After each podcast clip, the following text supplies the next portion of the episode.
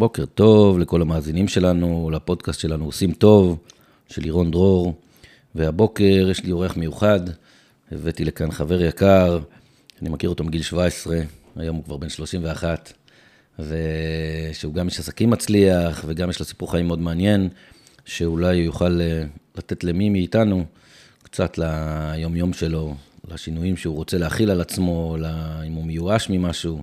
יש פה סיפור מאוד מעניין, אז אה, ברוך הבא, נדב מיטלמן.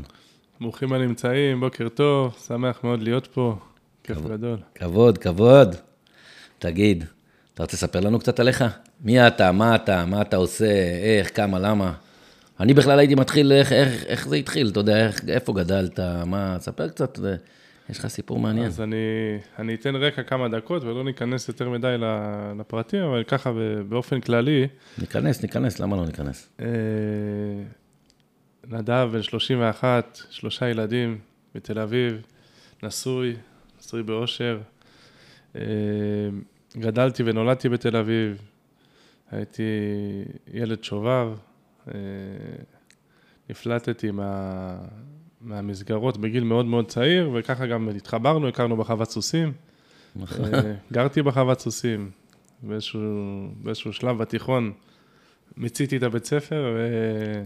אבל רגע, תתחיל, תתחיל רגע מההתחלה. גדלת, גדלת בבית בית עמיד מאוד. בבית עמיד מאוד, מלא בחור, מלא באהבה, אין תלונה אחת. אה, אז איפה, איפה בעצם, באיזה, באיזה שלב, אה, כאילו, אתה יודע, עד מתי, היית שובב מגיל אה, אני- שנתיים, אני- או, או אני- יש איזשהו, אתה יודע, אתה יכול, להגיד, יכול להצביע לנקודה שבה, אני אתה יודע, חושב שבגיל עשר הייתה איזושהי נקודת מפנה. אה, אני, יש לי בעיית שמיעה מלידה, ולא אבחנו את זה. אה, חשבו שזה סתם איזושהי בעיית קשב. וזה הוסיף, וזה הוסיף על בעיית הקשב שיש לי, שהיה לי מאוד מאוד קשה להתרכז בשיעורים. הייתי מאבד את הריכוז מהר מאוד. אה, ואז לא היה רטלין וכאלה, אז התחילו לטפל בי בכדורים, אה, כדורי הרגעה. הייתי לוקח חצי כדור ווליום בבוקר לבית ספר, מחצי כדור נהיה כדור, מכדור, מגיל עשר? מגיל עשר. וואו. אה, וככה בעצם כל, ה, כל הילדות והתיכון, היה לי איזשהו, הייתה לי איזושהי תגית של אה, בעייתי, והנצחתי אותה והצדקתי אותה ונהניתי ממנה, אתה אומר, הם כבר שמו עליך את הלייבל, אז כן. רצת עליו עד הסוף. בדיוק. כמו שאני מכיר אותך, אתה עושה הכל הכי טוב. בדיוק. גם להיות בעייתי, גם להיות בעייתי עשית הכי טוב. בקיצוניות אה, אופיינית לי. אז הייתי הכי בעייתי שיכול להיות, ונהניתי מזה. איך זה בא לידי ביטוי? אה, לא, זה לא רק שלא הייתי לומד, זאת אומרת, הייתי גם צריך להפריע ולמשוך את התשומת לב על ידי הבעיות והצחוקים ולהיות הליצן של הכיתה, ו, ובגיל מאוד מאוד צעיר, ותמיד בדקתי את הגבולות ומתחתי אותם. אה, הייתי מבזבז המון כסף ביחס לגילי וביחס לכל גיל. הייתי לוקח מההורים בלי שהם יודעים. עד שעלו על זה כבר, ותמיד הייתי שתי צעדים קדימה לפניהם, זאת אומרת, לא היה להם את הכלים, לא להורים שלי ולא למערכת, להתמודד איתי. אי אפשר לעזור לילד שלא רוצה לעזור לעצמו. ואני הלכתי בעולם אה, בתור נער כמישהו שאין לו מה להפסיד. ממש אה, הרס עצמי עצום. אה, אין לי טענות למערכת ואין לי טענות לבית שלי, כי אני באמת מאמין שההורים שלי עשו ככל שביכולתם, והם עשו הרבה בשביל לעזור לי, אבל לא היה לי שום רצון לעזור לעצמי. אה, אני חושב שבשלבים היותר מאוחרים של התיכון זה כבר נהפך. ממעשה קונדס לממש אה, להרס עמוק. ואכזרי, הרס עצמי. כבר לא גרתי בבית, זאת אומרת, על כל, כל מעשה שטות ומעשה קונדס, ולמרות שהייתי הליצן של הכיתה, היה לי הרבה סבל. חוויתי הרבה הרבה סבל. אה, היה לי איזשהו רצון להשתנות, אבל כל פעם שניסיתי, אז מהר מאוד חזרתי לסורי. לא הצלחתי להתמיד ו- ולדבוק ב... לא משנה מה עשיתי וכמה ניסיתי להתיישר, לא, לא, לא מצאתי את הדרך. אה, וכמובן שזה היה מלווה באלכוהול וסמים והימורים, כבר בתיכון? וכבר בתיכון, מגיל מאוד צעיר. אני לפני הבר מצווה השתמשתי פעם ראשונה בסמים. זה התחיל בסמים קלים, עלה לסמים קשים. אה, השתמשתי כמעט בכל סוגי הסמים שקיימים, אה, בתדירות יומיומית.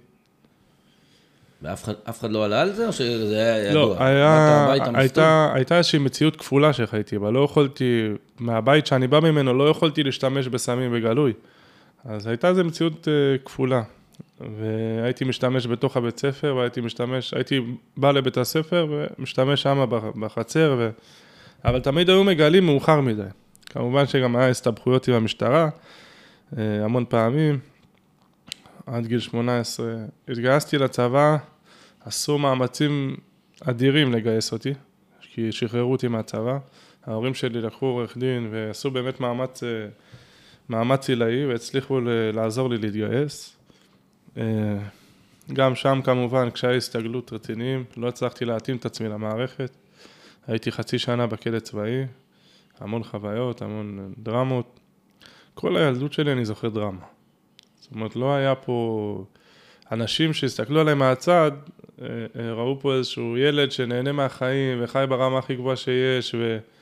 ועם הבנות ואהוב על כולם, וח... ועושה מה שהוא רוצה ולא עושה חשבון, אבל בתוכו, אני חושב שהייתי, נמצאתי בתוך איזשהו סבל, מעגל של סבל נוראי. אה, שום דבר לא סיפק אותי, לא ריצה אותי. ותמיד הייתה לי תקווה שבשלב הבא, זאת אומרת, בתיכון אמרתי אני אתגייס, יסתדרו העניינים. בצבא אמרתי, טוב, אני אצא מהצבא, יסתדרו העניינים.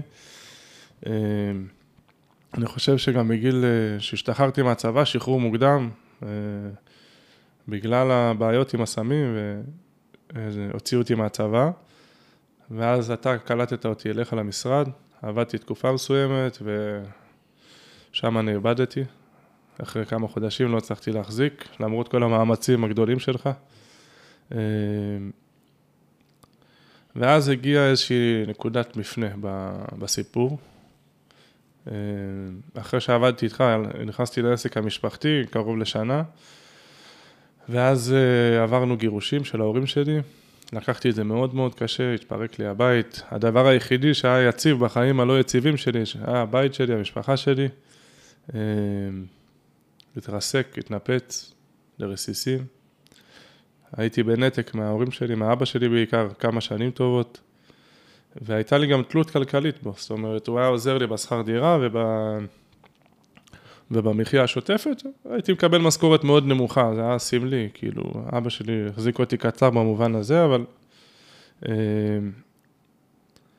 ופתאום חוזרים לי הצ'קים של השכר דירה, והפסקתי לעבוד ולא הצלחתי להתרומם, לא הצלחתי להתאפס, שקעתי לאיזשהו דיכאון, אה, השתמשתי בסמים בטירוף.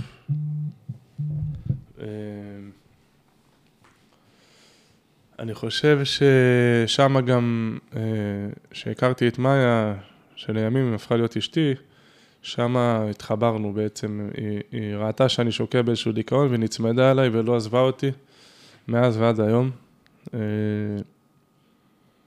ונכנסתי לאיזושהי סחרחורת של שנתיים, שבעקבותיה אה, בגיל 22 נכנסתי למרכז גמילה, ושם התחיל, נולדתי מחדש בעצם. שם התחיל מסע שהוא כבר קרוב לעשר שנים, שהייתה בו גם נפילה לאחר שלוש שנים, מעידה, חזרה לשימוש של שבועיים, מעידה קצרה אחרי החתונה, שנספר, אני ארחיב על זה בהמשך. אה, אבל אה, שם התחיל בעצם המסע הרוחני שלי. שם הבנתי שחומר לא יכול למלא את הבור שלי, ששום דבר חיצוני לא יכול למלא את הבור, אני צריך מקור כוח שיעזור לי להתמודד עם החיים בתנאים המקובלים. אתה רוצה, אתה רוצה שנייה אחת רק להסביר, מה, שמי שלא מכיר אותך לא יודע מה רמת הבזבזת וה, ורמת החיים שחיית בה, כי אתה יודע, אנשים לפעמים אומרים, טוב, תן לי לעשות את הכסף, תן לי להביא את החומר שיראה לי שבאמת אה, חומר זה לא משמח אף אחד. אתה רוצה להסביר, להסביר שנייה מה, מה זה אומר? זהו. מה זה אומר, זה לא משמח אותי? כי אני למשל, כשהכרתי אותך בגיל 17, היה לך ג'יפ חדש, היה לך סוס באיזה 100 אלף שקל, וקנו לך קרון כזה לגרור את הסוס, טיילנו בכל הארץ עם הסוסים, ואתה יודע, היית בן 17. אני אז הייתי, לא יודע, בן, בן 30, ולא לא היה לי עשירית מזה. ת, ת, תסביר רגע באיך זה בא לידי ביטוי. אז זהו, אז אני קצת, אה, אני קצת חצוי בעניין הזה, כי מצד אחד באמת אני רוצה לשתף, ומספיק שמשפט אחד שלי יעזור למישהו, עשיתי את שלי, ומצד שני אני, אני, לא רוצה להיכנס לסיפורי מלחמה, כי אני לא יודע לאן זה יכול להגיע, אבל אני יכול, אני יכול אה, לספר שמבחינת אה, אה, סדר גודל, התנהגתי כאילו אני מיליארדר. התפיסת עולם שלי הייתה תפיסת עולם של איש עשיר, שבעצם אין לי אגורה. אין לך אגורה וגם אין לך מיומנויות בעצם. לא, לא רכשת שום מיומנות. לא עבדתי יום בחיים, בגיל שאנחנו שבעצם... הכרנו, לא עבדתי יום בחיים שלי. לא עבדתי יום, הייתי יודע רק לבזבז, וגם יותר מזה, כבר הכניסו אותי לפוזיציה, הכנסתי את עצמי, לא הכניסו אותי, אבל הכנסתי את עצמי לפוזיציה ש... אל תעשה נזק. תלך למושב, תהיה במושב, נקנה לך קרוון, נקנה לך סוס, נקנה... רק תהיה פה, אל תעשה נזק. כי כל מה שנגעתי, הפכתי להרס ו... ונזק ודרמה. ו... אז, אז, אז... אני, אני מדבר על גילאים קצת יותר מבוגרים, אז, גם בגילאים אז, יותר מבוגרים, שבאת לעבוד אצלנו וגם ש... שאחרי זה שנכנסת לזה, בעצם לא היו לך שום מיומנויות להשיג, להתפרנס מעצמך. נכון. וגם אם הצלחתי להתפרנס, זה לא היה עשירית ממה שהוצאתי. זאת אומרת, אז תמיד הכנסתי את עצמי לאיזשהו מעגל אה, הרסני של חובות ושל לחץ ושל... אני, ב... אני במינוס בבנק מגיל עשר. אני חווה, אני חווה, אני לא יודע... שהיה לך חשבון בנק בגיל 10, זה כבר הישג. יש ילדים שיש להם את הקופות האלה של החזיר, של 20 שקל, לעולם לא היה לי, לא חסכתי אגורה, אני לא יודע מה זה, לא מכיר את זה. אה, אבל עוד יוסיף יתגלה, אני באמת, יש לי אמונה גדולה, אבל אני רוצה לשתף שאני... אני חושב שהסיפורי מלחמה הם לא העניין, רק לצורך ההמחשה, אני בזבזתי מיליונים עד גיל 18, נכנסתי לחובות של הימורים, הייתי מהמר עם גדולי המהמרים בישראל, יושב איתם עד חמש בבוקר בשולחנות של הימורים והולך בשבע לבית ספר, שההורים שלי חשבו שישנתי אצל חבר, כי למדנו למבחן. אה, והם לא כאלה מטומטמים, הם פשוט לא ידעו מה לעשות, זאת אומרת, ממש התאמצתי להסתיר את זה, לא, לא אפשרתי לסביבה ולקרובים אליי להבין את גודל הבעיה. ו...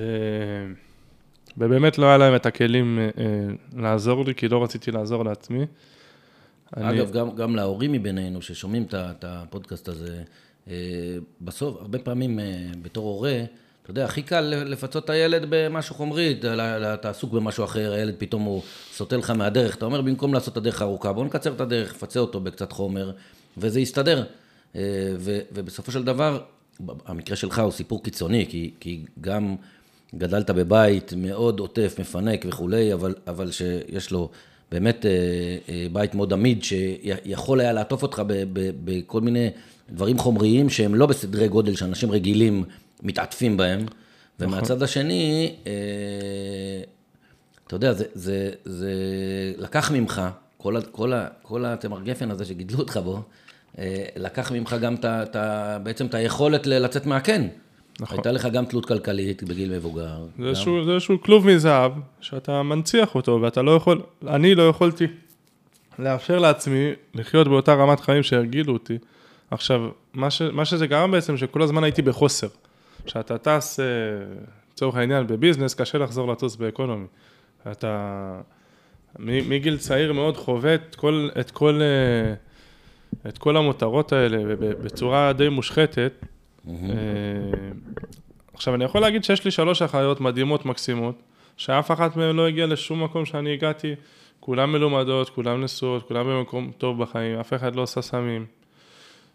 מתנדבות, עושות, ממש מדהימות, ואין להן שום קשר לבזבזנות הזאת, וגדלנו באותו בית. במבנה אישיות שלי, בטבע שלי, אני לקחתי את זה למקום אחר, מאוד קיצוני, שזה, אני חושב, זה מה שמאוד מאפיין אותי. היום אני משתדל למנף את זה למקומות טובים יותר, אבל uh, הקיצוניות זה חלק ממני.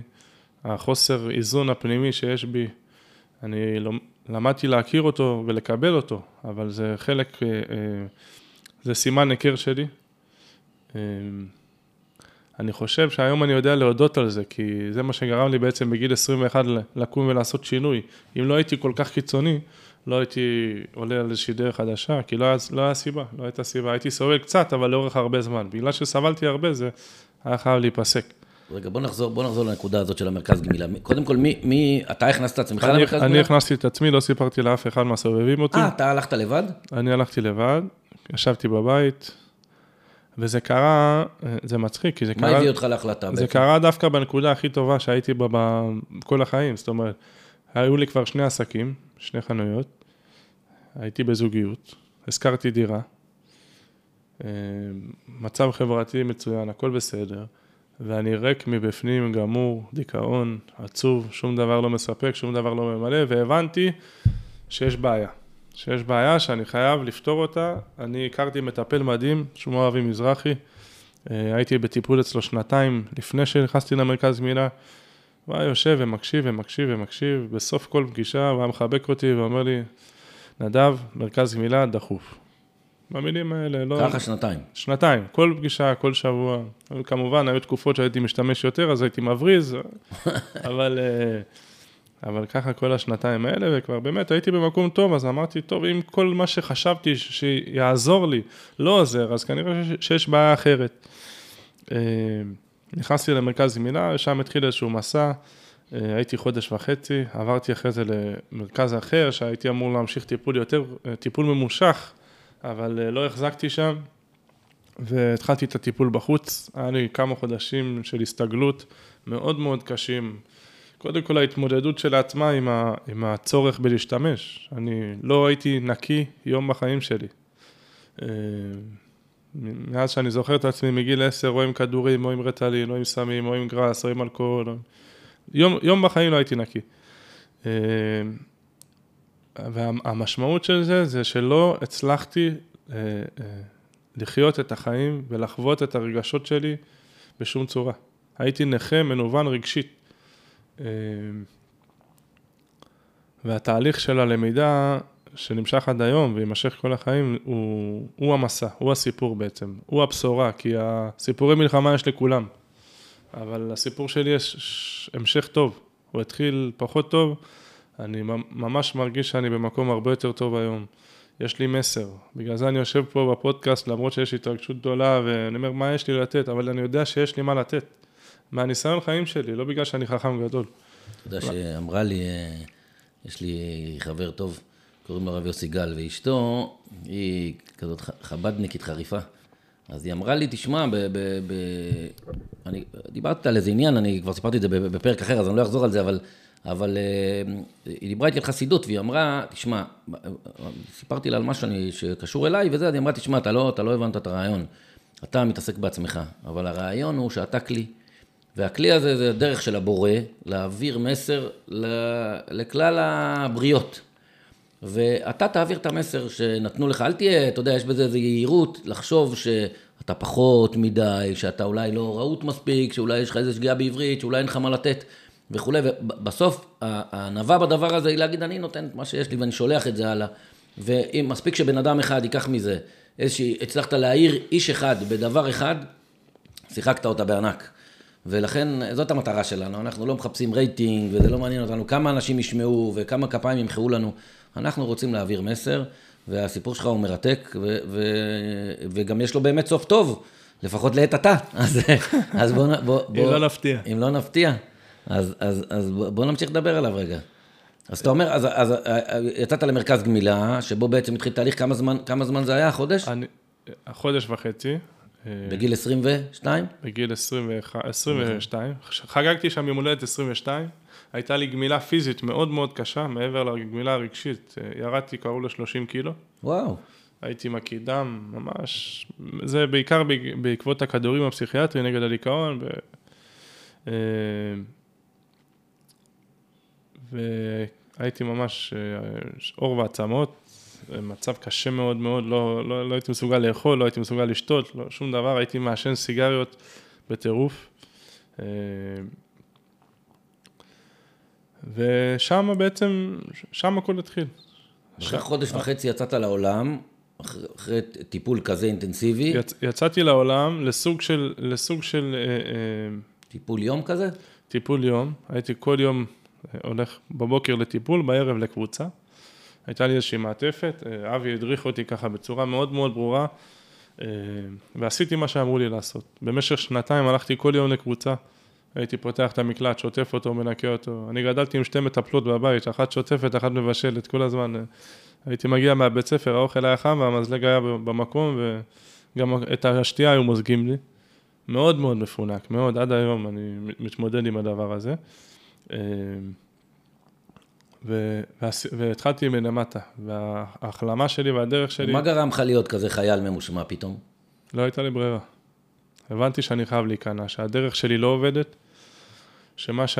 ש... כל התפיסה שלי, ש- כל התפיסת עולם שלי מעוותת.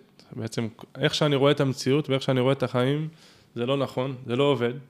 והייתי צריך את הכישלון הגרנדיוזי הזה בשביל להבין. זאת אומרת, לבוא על הברכיים עם ידיים מורמות ולהגיד, אני צריך עזרה, תעזרו לי, ואני מוכן לעשות מה שיגידו לי. וגם אז, אה, זה עוד מסר רציני, שבעצם הייתי מוכן, חייתי חיים כפולים, היה לי את החיים של הניקיון, ושל 12 הצעדים, ושל התוכנית, והיה לי את החיים של נדב של פעם, שכולם מכירים ואוהבים, והתדמית שטיפחתי ופיתחתי לעצמי. והייתי מתנדנד בין לבין, בבוקר, צהריים בקבוצה, בערב עם החבר'ה, טס למסיבות רווקים, החבר'ה שלי בני 22, 23, 24, בש- בשיא שלהם, של השגעת, של הבילויים, נו, מסיבות. ומה, מה עושים במסיבת רווקים שכולם עושים סמים ואתה לא? אה, סובלים. ישבתי שם וסבלתי, כי לא הייתי מוכן לוותר. לא הייתי מוכן לוותר על נדב הישן, ולקבל את זה שאני צריך להכניס משהו אחר במקום. החברים הם אנשים מדהימים, אבל השילוב הזה של מסיבת רווקים זה משהו שהוא לא נכון לי, זה משהו שהיום אני לא עושה אותו. סבלתי מספיק, ואני הצלחתי, החזקתי שריר ככה שנתיים, קרוב לשנתיים וחצי, ותמיד הייתה לי איזושהי פנטזיה שבחתונה שלי אני אשתה. ידעתי שתהיה לי חתונה גדולה, אנחנו משפחה גדולה ומוכרת והרבה חברים, משפחה של אשתי גם. היה לנו קרוב לאלף איש בחתונה, אמרתי איך אני אתמודד עם הדבר הזה. והגיע היום של החתונה, ואני מושך את עצמי, אל תשתה ואל תעשה שום דבר, וחכה עוד שעה ועוד שעה. אני עומד מתחת לחופה, התרגשות עצומה, קרוב ל-400 איש רק בחופה, עוד לפני שהתחיל כל ה... ואמרתי, אם אני אשתה יקרה משהו לא טוב. תכיל את זה, תנשום לתוך זה, מזל שהיה לי קצת כלים, אז באמת הצלחתי להכיל את הדבר הזה. אחרי החתונה, מיד אחרי החתונה טסנו לירח דבש, שם ישבתי בניו יורק, אצל חבר שלי בבית, עם חליפה, לפני מסעדה, פותחים בקבוק יין, מדברים על החיים, כאילו זה היה הפנטזיה. ככה זה צריך להיות, אם, אם זה צריך להיות, זה ככה צריך להיות. שתיתי כוס יין, אחרי קרוב לשבועיים שכבתי ב... בארצות הברית, בבית חולים, בשטיפת קיבה, וכתוצאה משימוש אה, שימוש יתר. ראיתי איך מכוס יין אחת, המחלה שלי משתלטת עליי, ואין לי יכולת לשלוט בשימוש שלי. אה, חזרתי מ... כמובן שחירבתי את כל הירח דבש, ו... אה, ראיתי אבל איך כל מה שיש לי נלקח ממני, כהרף עין. אין לי שום שליטה על החיים שלי. המושכות של החיים שלי לא בידיים שלי, בידיים של הסמים והאלכוהול. נחתתי מהשדה תעופה, הורדתי את אשתי בבית ונסעתי לאבי, ישבתי מתחת לקליניקה שלו עד שהוא ירד אליי, שלוש שעות, שעתיים, מתי שהוא התפנה. אמרתי לו, אני מוכן להתמסר וללכת על כל הקופה. היה, הייתה לי גמילה מאוד... אתה יודע, אני שומע, אני שומע את הסיפור שלך ואני אומר, כאילו זה פתאום נותן לי איזו הבנה מטורפת, שבקטע ש, בקטע השלילי של העניין, ככל שאתה יותר קשוח זה רק לרעתך. כי בעצם מי שהוא לא יודע להתמודד עם סבל, הוא מהר מאוד רוצה למצוא את הפתרון. אבל מי שהוא קשוח, ויש בך גם חלקים כאלה, בעצם מעביר את עצמו איזשהו מסע של סבל מטורף, ארוך, מייגע, מבלי לקרוע ברך, אתה יודע, הרי בסוף אתה אומר, הצלחתי, ל, ל, השינוי חל כשאני הסכמתי להיכנע. אבל הקנייה הזאת, עד שהיא הגיעה, כמה מחירים שילמת עליה? אני אומר, אם הבן אדם הוא מפונקי כזה, אתה יודע, ישר זה קצת כואב לו, הוא מיד הולך לטפל בזה, אז, אז הוא, הוא היה נכנע הרבה יותר מהר. יש, יש מושג שנקרא בתוכנית, זה ביטחון סוטה בכאב מוכר. זה הסיבה שנרקומן שזרוק בתחנה מרכזית לא עולה על יום נקי.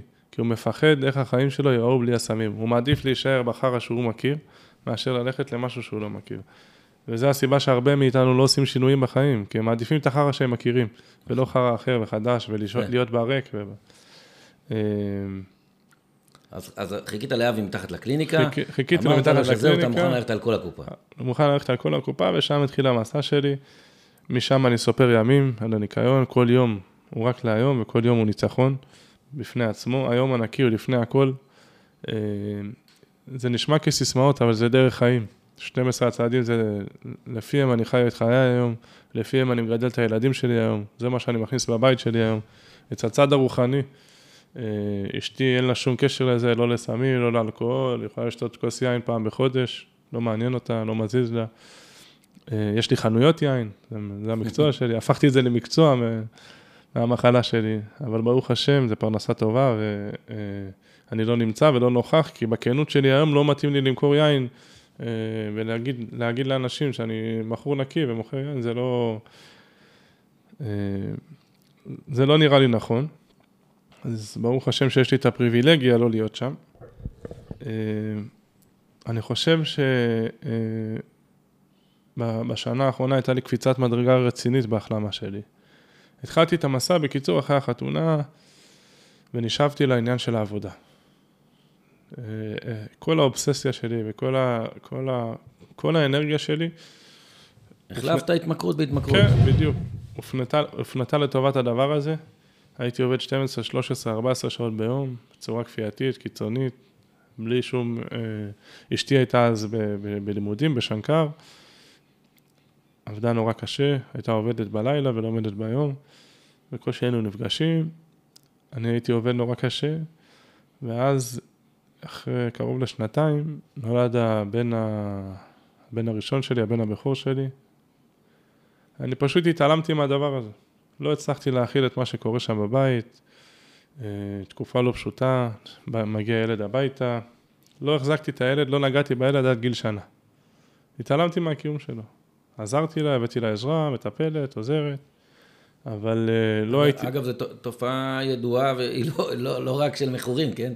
זה שילד ראשון מגיע הביתה, הרבה פעמים זה לא כמו באגדות. כן. לא כולם הם, הם ישר מתחברים אליו ופוצי מוצי בזה, עד גיל שנה שהוא רק בוכה ויש לו גזים וזה, זה לא תמיד דבר שהוא באופן טבעי. אחת הסיבות אגב. לדיכאונות אחרי לידה וכולי, זה שאימא נולד לילד נורא נורא קשה לה, והיא לא, היא אומרת, רגע, זה לא עובד ככה, בסרטים ישר שמים לה אותו לידיים, הם נורא מתחברים, היא מתאהבת בו, לא והיא אוהבת אותו מהרגע הראשון. היא מניקה אותו שלוש פעמים בלילה, וזה, וזה לא באמת, בחיים האמיתיים זה לא תמיד ככה, לא לכולם. והרבה פעמים באמת הפער הזה בין מה שאתה מדמיין שיקרה למה שקורה בפועל הוא, הוא בעייתי. לגמרי, לגמרי, מטורף, מטורף, מטורף. ואני לחצתי על זה שאני רוצה ילד, רוצה ילד. ו... כן, אבל אז גילית שבא מישהו שצריך לקבל תשומת לב מהאישה שלך. היה, איזשהו שלב שקינאתי בו, כי הוא... כל. גבר מקנא בילד הראשון. ולקח לי זמן להודות בזה, אבל ממש קינאתי בו. אה, אני חושב ש...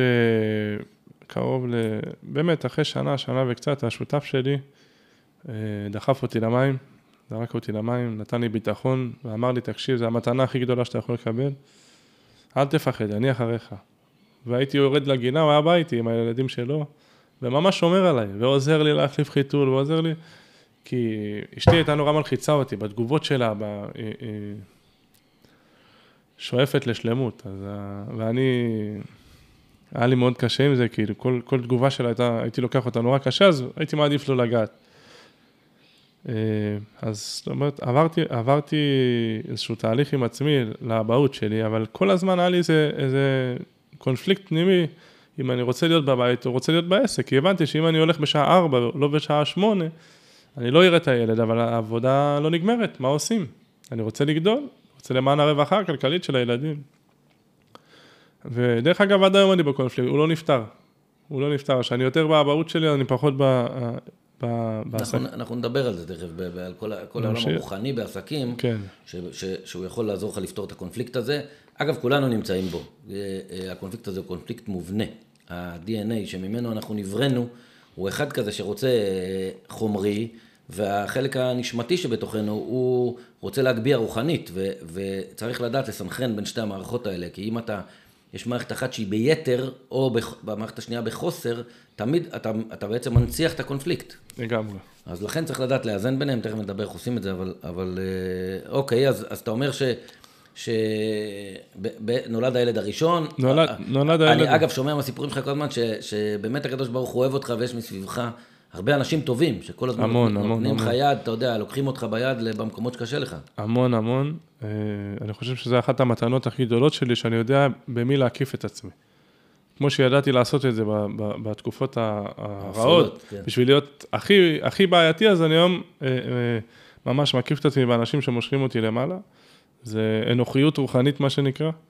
אני גם נותן הרבה עבור זה, אני נמצא שם עבור כל הקרובים אליי, אה, וגם ב-12 הצעדים זה חלק מהעניין, להעביר את מה שיש לך. החבר החדש הוא החבר הכי חשוב בקבוצה. כשאתה התקשרת אליי, מבחינתי לבוא לפה, זה נוגד את כל מה שאני מרגיש. אין לי שום רצון לחשוף את עצמי בפני קהל שאין לי שליטה עליו. אה, אבל יש לי רצון להעביר הלאה את מה שקיבלתי במתנה. אה, זה הסיבה שאני יושב פה. זה הצעד ה-12, להעביר את הבשורה. אה, אני חושב שנכנסתי ל, ל, למסע של האבהות, ו... ורק אחרי שנה וחצי בעצם התחלתי לחוות את האבהות שלי. היום אני אבא מאוד מעורב, מאוד פעיל, מאוד נהנה מזה. הילדים שלי זה הדבר הכי חשוב לי בחיים. אמ, ובמקביל אני, אני חושב שהבנתי שבשביל להיות אבא טוב, אני צריך להיות אדם טוב לעצמי, אני צריך לחזק את עצמי, והרבה פעמים זה בא אחד על חשבון השני. כשאני רוצה ללכת לאיזשהו שיעור תורה, או לאיזושהי קבוצה, והקבוצות זה בשמונה בערב, אז אני צריך לוותר על ההרדמה של הילדים באותו יום. Mm-hmm. ולסביבה, בדרך כלל לסביבה הכי קרובה, תמיד הכי קשה לקבל את הדברים האלה. אם זה למשפחה, כשהייתי רווק וצעיר, אז המשפחה נורא התאימה את עצמם, שהייתי בתקופה של אחרי הגמילה, כולם הלכו על ביצים לידי, והכל היה רק שלא ייהרס, רק, רק לשמור עליו. היום כבר נהייתי עמוד תווך, כבר רואים אותי יציב ורציני, זאת אומרת, אין לי את הפריבילגיה שהייתה לי בהתחלה, אה, אבל אולי זה... אתה יודע, כל ילד שלומד לנסוע על אופניים, שמים לו גלגלי כן. עזר, אחרי זה מורידים אחד, בסוף הוא נוסע בלי גלגלי עזר. בדיוק. החיים הם אין בהם גלגלי עזר. אז אני באיילון על 120, ואין לי אפשרות לעצור, כן. אבל זה... פעם עשית את זה עם טרקטורון על שני גלגלים, לא? אם אני זוכר נכון. אמצע איילון. כן. אה, אומרים, אתה יודע, שלאנשים שחוזרים בתשובה, אומרים שלא צריך להזכיר להם את העבר שלהם. לא להחזיר אותם לזה, הרבה פעמים אתה אומר למישהו, בואנה, מה, אתה זוכר מה עשינו? אז אומרים, תשמע, שמישהו חוזר בתשובה, לא, זה יכול, יכול להיות שזה תופס גם על, גם על אה, אה, מי שנגמל. זה בעצם חזרה בתשובה פר אקסלנס. אז, אז אני חושב שאצלנו בתוכנית אומרים לא לדבר סיפורי מלחמה. אתה יכול להעביר... ככה זה נקרא. אתה יכול להעביר מסר. מי הייתי, מה הייתי, איזה גדול, כמה סמים עשינו, בדיוק, כי זה, חוץ מלטפח את האגו, לא מעביר שום מסר, וגם אם זה מעביר מסר לאחר, זה מזיק לך. כן. אה, אני חושב ש... אני חושב ש... אה, אני רוצה לנסח את זה בצורה כזאת, אה, שכולם יבינו, ולא רק מכורים או לא למכורים. אני חושב שאני זכיתי לעבור, לעבור איזשהו תהליך בעקבות הסבל שממנו באתי, בעקבות הסיפור חיים שלי.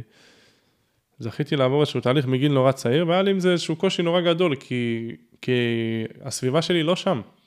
אני חווה היום איזשהו מיצוי של החיים, של, ה, של הבילויים, ושל החגיגות, ושל המסיבות, ושל הגרנדיוזיות, ושל המותרות. של ה... אני עדיין חומרי והכול, אבל המון המון דברים שעניינו אותי פעם לא מעניינים אותי היום. אני לא שואף להגיע לאיזושהי עמדה או לאיזושהי פוזיציה כלכלית מסוימת, כי אני יודע ששם הפתרון, אני מבין שהפתרון לא שם. אני עדיין לא פתרתי את האישו שלי עם הכסף. אגב, אתה אומר זה לא רק למכורים, קודם כל כולנו מכורים. כל אחד למשהו, אתה יודע, יש הרבה אנשים שאומרים, אני, הכל אצלי בסדר. זה, זה, אם אתה הסוג שימחאו לך כפיים על כל מה שאתה אומר, אתה מכור. אם אתה יושב מול הפורנו כל ערב, אתה מכור. אם אתה לא עוזב את הטלפון שלך אף פעם, גם כשהילדים שלך מדברים איתך על דברים הכי חשובים להם בעולם, אתה מכור. ולכן, כל אחד צריך להשתחרר מההתמכרויות שלו, ו, ובעצם השחרור מההתמכרות, כמו שאתה, כמו שאתה מספר לנו פה, הוא קודם כל רוחני. בסוף התמכרות היא חזקה מאיתנו. אם היינו יכולים להפסיק אותה לבד, לא היינו צריכים שום תוספת. היינו עוצרים וזהו. אף אחד לא מצליח, אם, אם הוא מכור כמובן, לא מצליח לעצור את ההתמכרויות שלו לבד. כדי לעצור התמכרויות, אנחנו צריכים תוספת רוחנית. זה נקרא כוח גדול. בתוכנית כוח גדול, כוח עליון. אני קורא לזה הקדוש ברוך הוא. אלוהים כפי הבנתנו, כל אחד והאלוהים שלו. נכון. ואני יכול להגיד שבשנה האחרונה גם הכנסתי את, ה, את הקטע של היהדות לחיים שלי, אחרי הרבה שנים שהיה לי איזושהי הסתייגות רצינית, כן. בגלל שאני באתי מבית, שאבא שלי היה תורם גדול, כל הזמן האדירו אותו וקרקרו סביבו, והיה שם המון פייק, אה, כי אין מה לעשות, זה אנשים שנתמכים, וכל הזמן, זה, אי אפשר ללמד אותם לדוג, כל הזמן צריך לתת להם דגים לאכול, כי הם לעולם לא יקלקלו את עצמם. אז תמיד צריך את התורמים ותמיד צריך את ה... אבל אני באמת היום מצליח לקחת מזה מה שנוח לי ומה שטוב לי ומה שאני אוהב, ולעשות את זה מתוך אהבה לדבר, והשתוקקות ורעב וסקרנות, ולא מתוך כפייה או כי אמרו לי לעשות. וכל דבר שאני עושה, אני קודם כל רוצה להבין למה, מה המשמעות שלו. אוקיי. אה, אני לא חושב שכל דבר צריך אורות גדולים, כי זה גם ההתמכרות. לאורות, ל... ל... קודם כל צריך, אתה יודע שאומרים שיש אורות גדולים בכלים קטנים, זה נקרא. זה אם, אם לקחת אור גדול ואין לך כלי להכיל אותו, אתה שובר את הכלי. לגמרי. בעצם הרעיון הוא להגדיל את הכלי. ככל שהכלי יגדל, באופן אוטומטי, כמות האור שהוא יכול להכיל היא יותר גדולה. לכן העבודה היא על הכלי.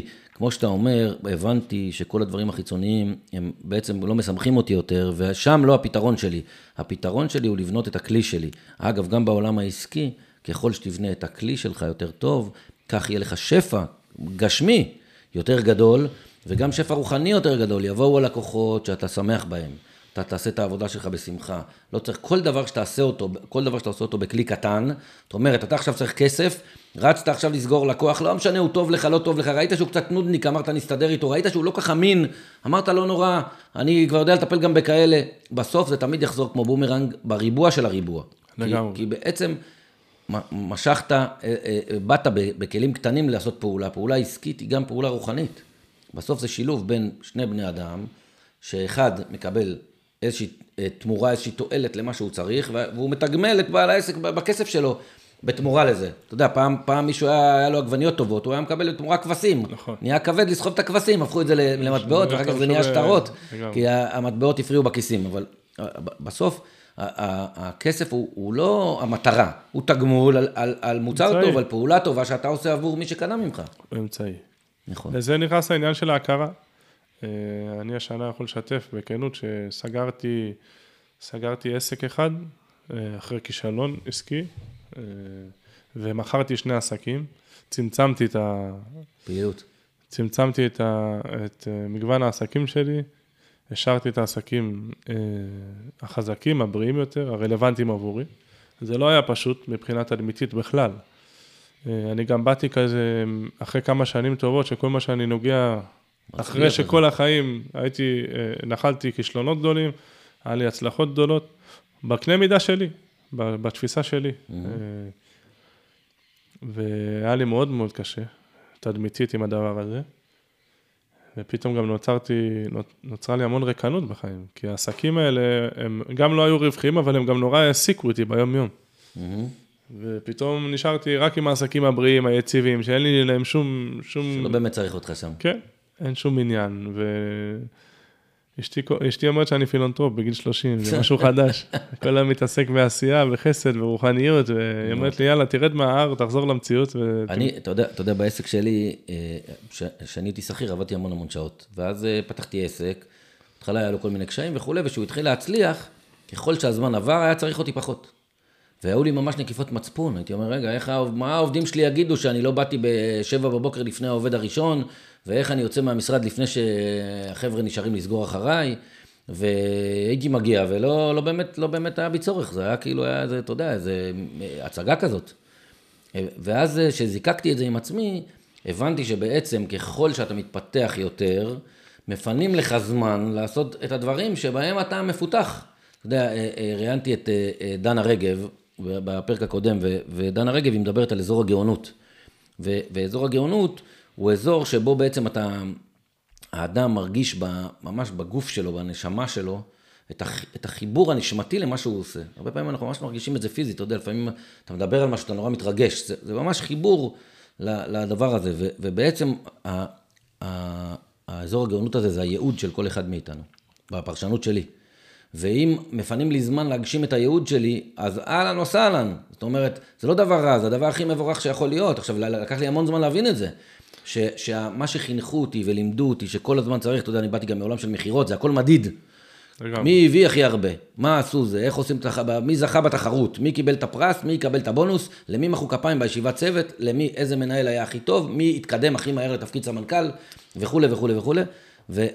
ובעולם אה, האמיתי, עכשיו שאתה צריך כאילו להביא, להכניס את זה לעולם הרוחני, זה לא מסתדר.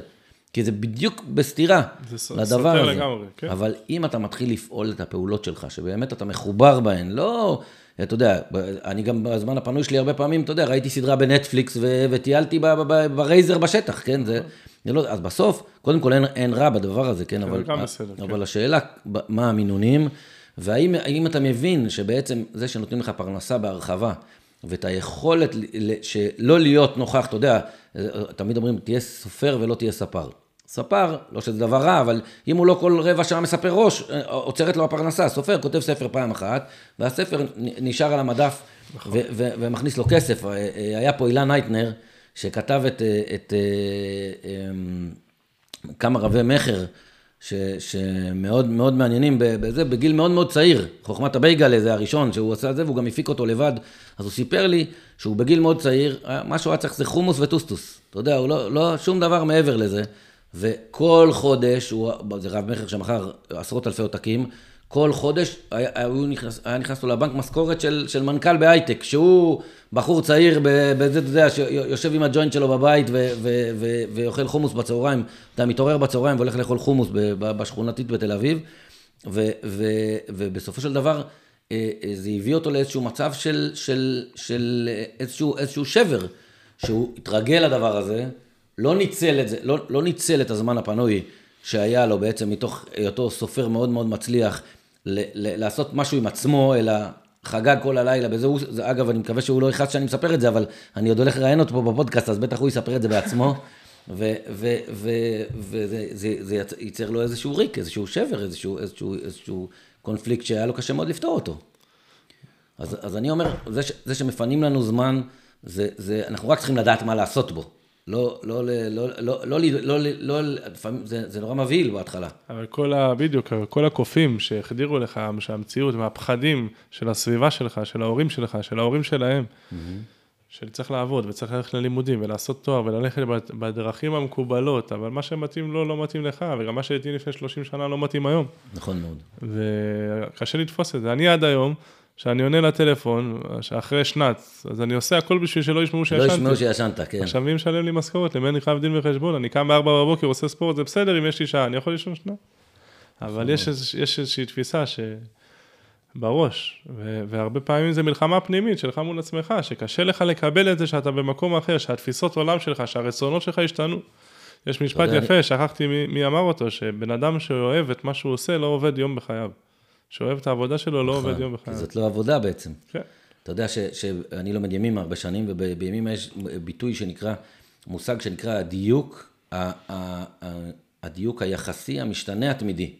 מה זאת אומרת? זאת אומרת שהחיבור, אותו חיבור שיש עכשיו לנשמה, או המקום הכי נכון לך, לאותו רגע, לפעולה שעשית, הוא לא נכון שנייה אחרי זה. זאת אומרת, מה שעשית הוא נכון, הוא מדויק לשנייה הזאת, שנייה אחרי זה הוא יכול להיות לא מדויק. אתה יכול, אה, נגיד, לשוחח עם הבן שלך בסיטואציה מסוימת ולדבר אליו בצורה תקיפה, כדי להעמיד לו איזשהו גבול, כי זה הדבר הכי נכון להגיד לילד שלך באותו רגע, אבל אם תגיד את זה בסיטואציה אחרת, שתי דקות אחרי זה, זה כבר לא מתאים.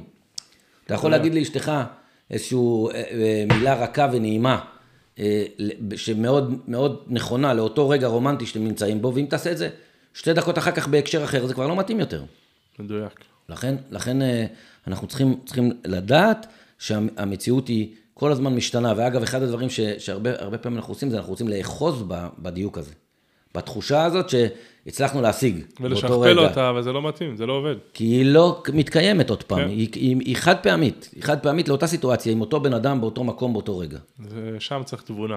צריך הרבה תבונה וצריך הרבה, הרבה כנות אה, אה, שלך מול עצמך בעיקר.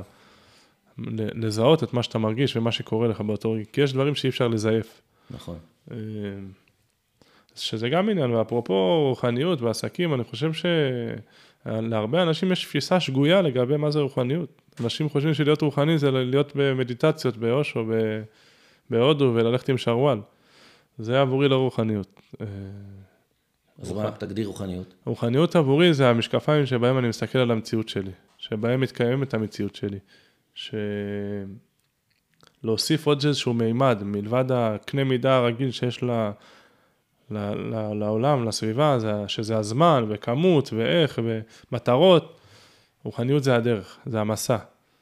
זה, זה, זה עוד היבט אלוקי, שמימי, לא יודע איך כל אחד יכול לתפוס את זה איך שהוא רוצה, שהוא לא, שהוא לא נראה ולא נשמע, שהוא נסתר, שהוא קיים בתוכי, בתוך הנשמה שלי עמוק, שלרוב אנחנו מתעלמים ממנו. מלמדים אותנו, החיים מלמדים אותנו לא להתייחס אליו, להשתיק אותו כל הזמן, כי יש בו תחושות קשות. החיבור לנשמה, אה, הנשמה הרבה פעמים צועקת, היא לא רק מחייכת. ואנחנו... היא מאותתת שהיא לא במקום הנכון. כן. שלא הנעת אותה. כן. אתה יודע שהמערכת אה, הרוחנית, הדבר הראשון, ש... ש... כדי, קודם כל כדי להפעיל אותה, צריך ענווה. כי הענווה אומרת שאני מכיר בזה שמתקיימת מערכת רוחנית והיא גדולה ממני. אתה יודע, להגיד שמשהו גדול ממני זה, זה לא קל לאף אחד. כל אחד חושב שהוא יודע הכי טוב, שהוא כמו שאנחנו חושבים שנחיה לנצח. אתה יודע, כל אחד יודע שהוא ימות יום אחד, אבל בתחושה הפנימית הוא בטוח שהוא ספציפית, המשיח יבוא לפני, לא משהו יקרה, יפתחו איזה תרופה. אני לא אמות. אני יודע שמתים בגיל 120, אבל זאת הדרך של, ה, של העולם לגרום לנו להמשיך להתקיים. כי אם היינו יודעים שהדבר הזה, הוא יש לו, הוא פג תוקף, אז אה, בשביל מה? בואו נקצר את זה ונגמור עם זה. אבל ההכרה בזה שיש משהו שהוא גדול ממני, הענווה הזאת, היא מפעילה את המערכת הרוחנית. מעצם זה שאתה מכיר שהיא קיימת, היא מתחילה לפעול. הפעולה שלה היא לא פעולה שכלית והיא לא פעולה מובנת. אנחנו צריכים להבין שכדי שתפעל בנו רוחניות, אנחנו לא חייבים להבין את כל הפעולות שלה, אנחנו רק צריכים להפעיל אותה. בדרך כלל אנחנו גם לא מבינים, אם אנחנו מבינים, כנראה שזה לא רוחני. נכון.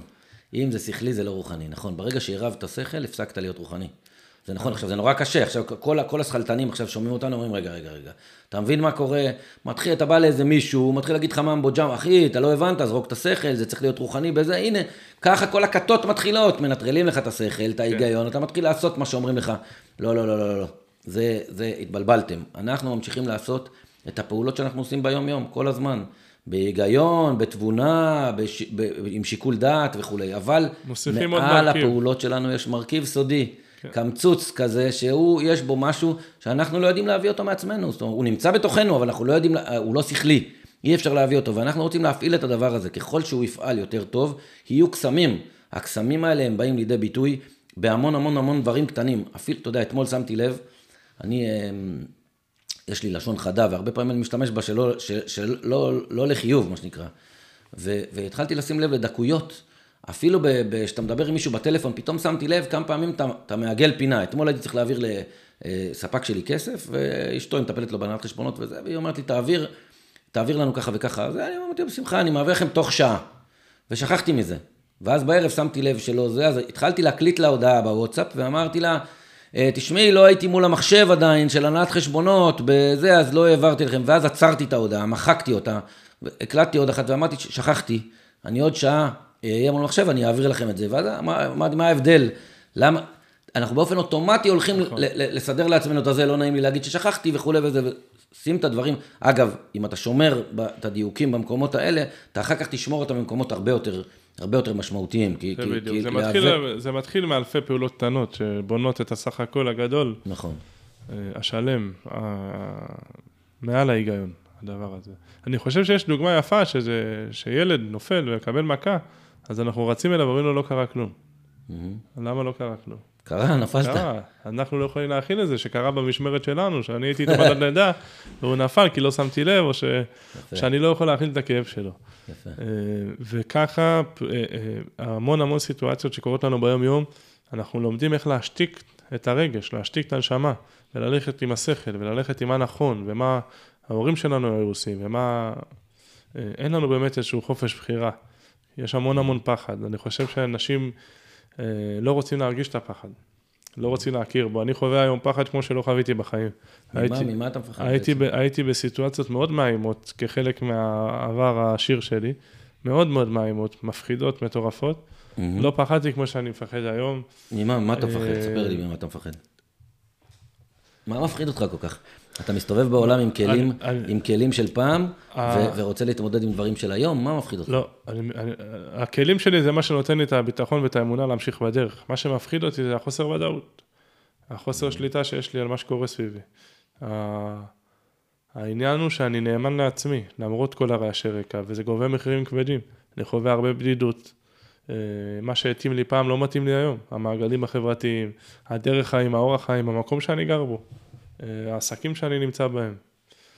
ואני מנסה באמת לעשות את השינויים לאט ובטוח, לא להפחיד את הסביבה, mm-hmm.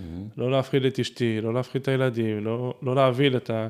כי אני מאוד מאוד קיצוני, כמו שאמרנו, אם זה תלוי בי, אני גר עכשיו באיזה כפר קטן בערבה, ושלום להתראות, חי מ...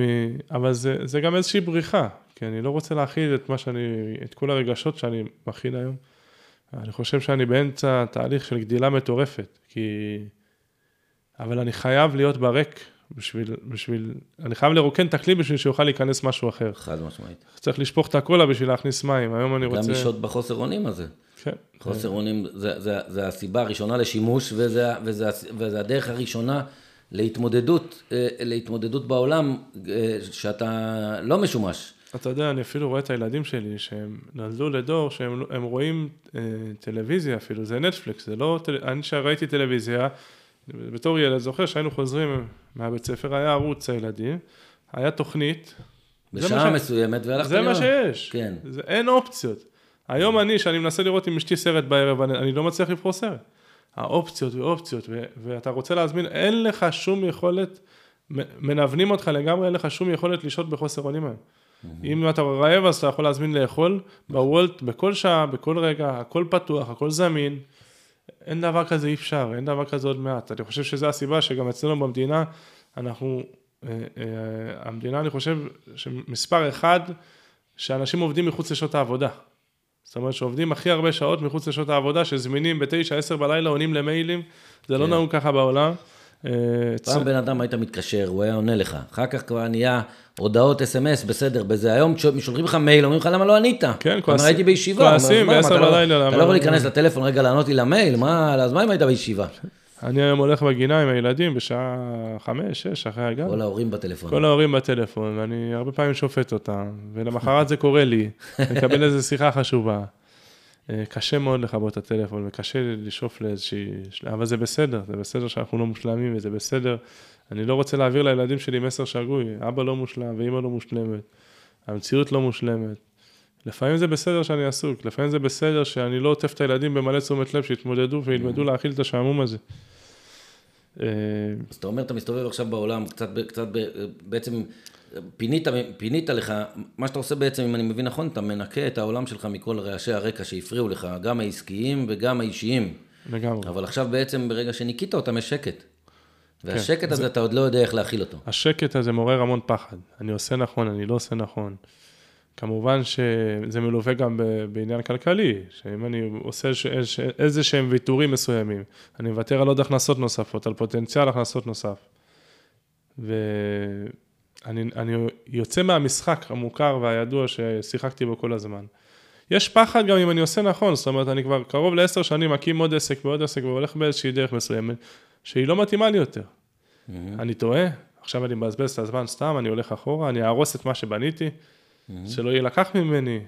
אה, אה, אלה הפחדים, יש, אה, יש גם עצב שמתלווה, שאתה כבר לא, אני חושב שזה עצב משולב באיזשהו אבל, שאני לא הבן אדם שהייתי, וקשה, הרבה פעמים קשה לקבל את זה. יש לך פרידה, פרידה מה... הפרידה מה, מהדמות, מנדב, השופוני, וה... עכשיו אני רוצה לחדד את זה, אני, אני לא חושב שמותרות זה לא טוב, ואני חושב שאם לבן אדם יש את האפשרות, אז אני חושב שלגור בבית טוב, עם רכב מפנק, זה אחלה, זה מצוין. כל עוד זה לא המניע, וכל עוד זה לא מה שדוחף אותך ומניע אותך, זה יכול להקל על החיים. איך אמרת לי פעם, כל בעיה שנפתרת בצ'ק היא לא בעיה.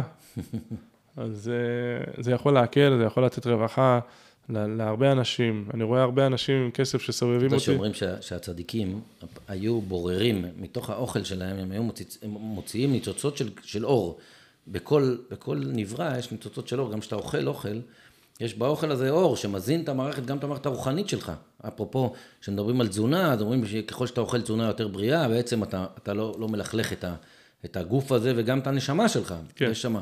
ואני אה, חושב שכלים חומריים, אם אתה יודע להוציא מהם את הניצוצות של הקדושה, את הניצוצות של האור, אהלן וסהלן, קנית ג'יפ חדש ונוצץ, תעשה איתו טיול לילדים מעוטי יכולת בשטח שהם בחיים שלהם לא היו בג'יפ כזה, שיחקת אותה, לא קרה שום דבר. אה, תוביל אה, בתא מטען של הג'יפ שלך פעם בשבוע ארוחות לנזקקים, שיחקת אותה, הוא שירת אותך על הכיפאק, מה זה משנה אם הוא נוצץ בצבע כזה או נוצץ בצבע כזה. זה נכון שאם עכשיו נחפור את זה לעומק, אז, לא, אז יכול להיות שלא באמת צריך את זה, אבל אני אומר לכל אחד יש בסוף את ה... אי אפשר, אנחנו לא צדיקים, אנחנו בני אדם, לכל אחד יש את המחלות שלו ואת הרצונות שלו. אם אני מצליח לענות על, ה, על הצרכים שלי במשהו קטן, במקום שזה, במקום שאני אענה עליהם בדברים שליליים אחרים, אהלן וסהלן, יש לך בית מרווח ואתה יכול ל, ל, להגיע אליו בנחת ולישון כמו שצריך ולהיות ערני בבוקר כדי לרדת בבוקר לעבודה שלך ולפרנס עוד אנשים ולהיות נינוח איתם, אז אין עם זה שום בעיה. אני, הקונפליקט הוא לא... הקונפליקט, זה לא אומר שכולם צריכים לגור, אתה יודע, בדירת חדר, בזה, עם מיטת סוכנות. זה, זה, זה, זה לא רוחניות, אגב בעיניי. זה, זה משהו שמלווה אותי דרך אגב בגיל מאוד צעיר, להצטדק בזה שיש לי, התחושת אשמה כזאת שיש לי ולאחר אין, אז כל הזמן מצטדק למה זה בסדר שאנחנו טסים ולמה זה בסדר שאנחנו עושים ככה וגרים כן, בבית הזה. כן. לא, מה שאמרת קודם, אני חושב שזו שיחה בפני עצמה, של העניין של מה, אם אנחנו צריכים או לא צריכים, ואני יכול לשתף שאני בילדות גדלתי בדירה גדולה, אומנם דירה, אבל אה, היא הייתה גדולה, אבל חיינו בהתחלה ארבעתנו בחדר, ואז חילקו לנו חדרים קטנים כאלה, אבל היה, היינו כל הזמן נתקלים אחד בשני, הייתה איזושהי אינטראקציה. אה, בשלב מסוים עברנו לבית פרטי, והבית היה ענק, לכל, חדר, לכל ילד היה חדר עם, עם, סלו, עם, אה, חדר ארונות שלו ומקלחת ושירותים משלו. ו... ממש סוויטה כזאת, אז לא היינו נפגשים. Mm-hmm. היה בזה משהו קצת אה, פחות חם ופחות נעים, היה יותר מרווח ונוח, אבל זה בא על חשבון זה, זאת אומרת, נכון. כל בחירה יש לה מחיר, כל... כל... הפשטות, תראה, בכל שיח שאני מנהל פה, בסוף המסקנה היא שהפשטות משמחת. אין מה לעשות, עובדה, דיברנו על זה. וגם החומר משמח. כל עוד אתה שמח, אבל לפעמים אנחנו קונים ורודפים אחרי חומר, כי אנחנו אמורים להיות שמחים בו. הרבה פעמים זה לא עושה, אני יכול להגיד, לשתף אותך, שלי מותגים לא עושה את זה יותר, בבגדים, לצורך העניין. לא עושה לי את זה יותר. אממה, אני יכול ללכת ולקנות מותג שיש לי איזה נפילה רגשית, כי זה אמור לשמח אותי. כי זה לא באמת, כי, אני, כי ככה אני זוכר, כי ככה אמרו לי, כי ככה החדירו לי שזה משמח אותי. אבל אמרת דבר והיפוכו בעצם, בסופו של דבר, תראה, שוב פעם, זה איזושהי התנהגות אוטומטית. השיחה על חומר, אני, אני לא חושב, אני בן אדם שאוהב את החיים הטובים, ואני לא, לא מצטנע בזה מדי, ואני גם לא חושב שצריך אה, ל, ל, ל, ל, להסתובב בעולם בהתנצלות אה, על זה שהצליח לך. אבל אני כן יודע מהחיים שלי, ואני שומע את זה פה כל פרק מחדש ממי שאני משוחח איתו, ש, שבעצם המרדף אחרי, אחרי הרצון שלי שחומר ימלא לי חסך שהוא לא חסך חומרי, זה לא מצליח. זה לא מצליח, בן אדם ריק לו, הוא הולך לקנות, טוב, קנית, ומה, עבר יום, עבר יומיים, עבר... זה לפעמים אני שואל את עצמי על דברים שקניתי ואני נהנה שמפרגנים לי עליהם מבחוץ, מה היה קורה אם הייתי חי על אי בודד? האם הייתי באמת קונה אותם? האם אם היית חי על אי בודד, האם היית נוסע באוטו הזה? האם היית משקיע ב...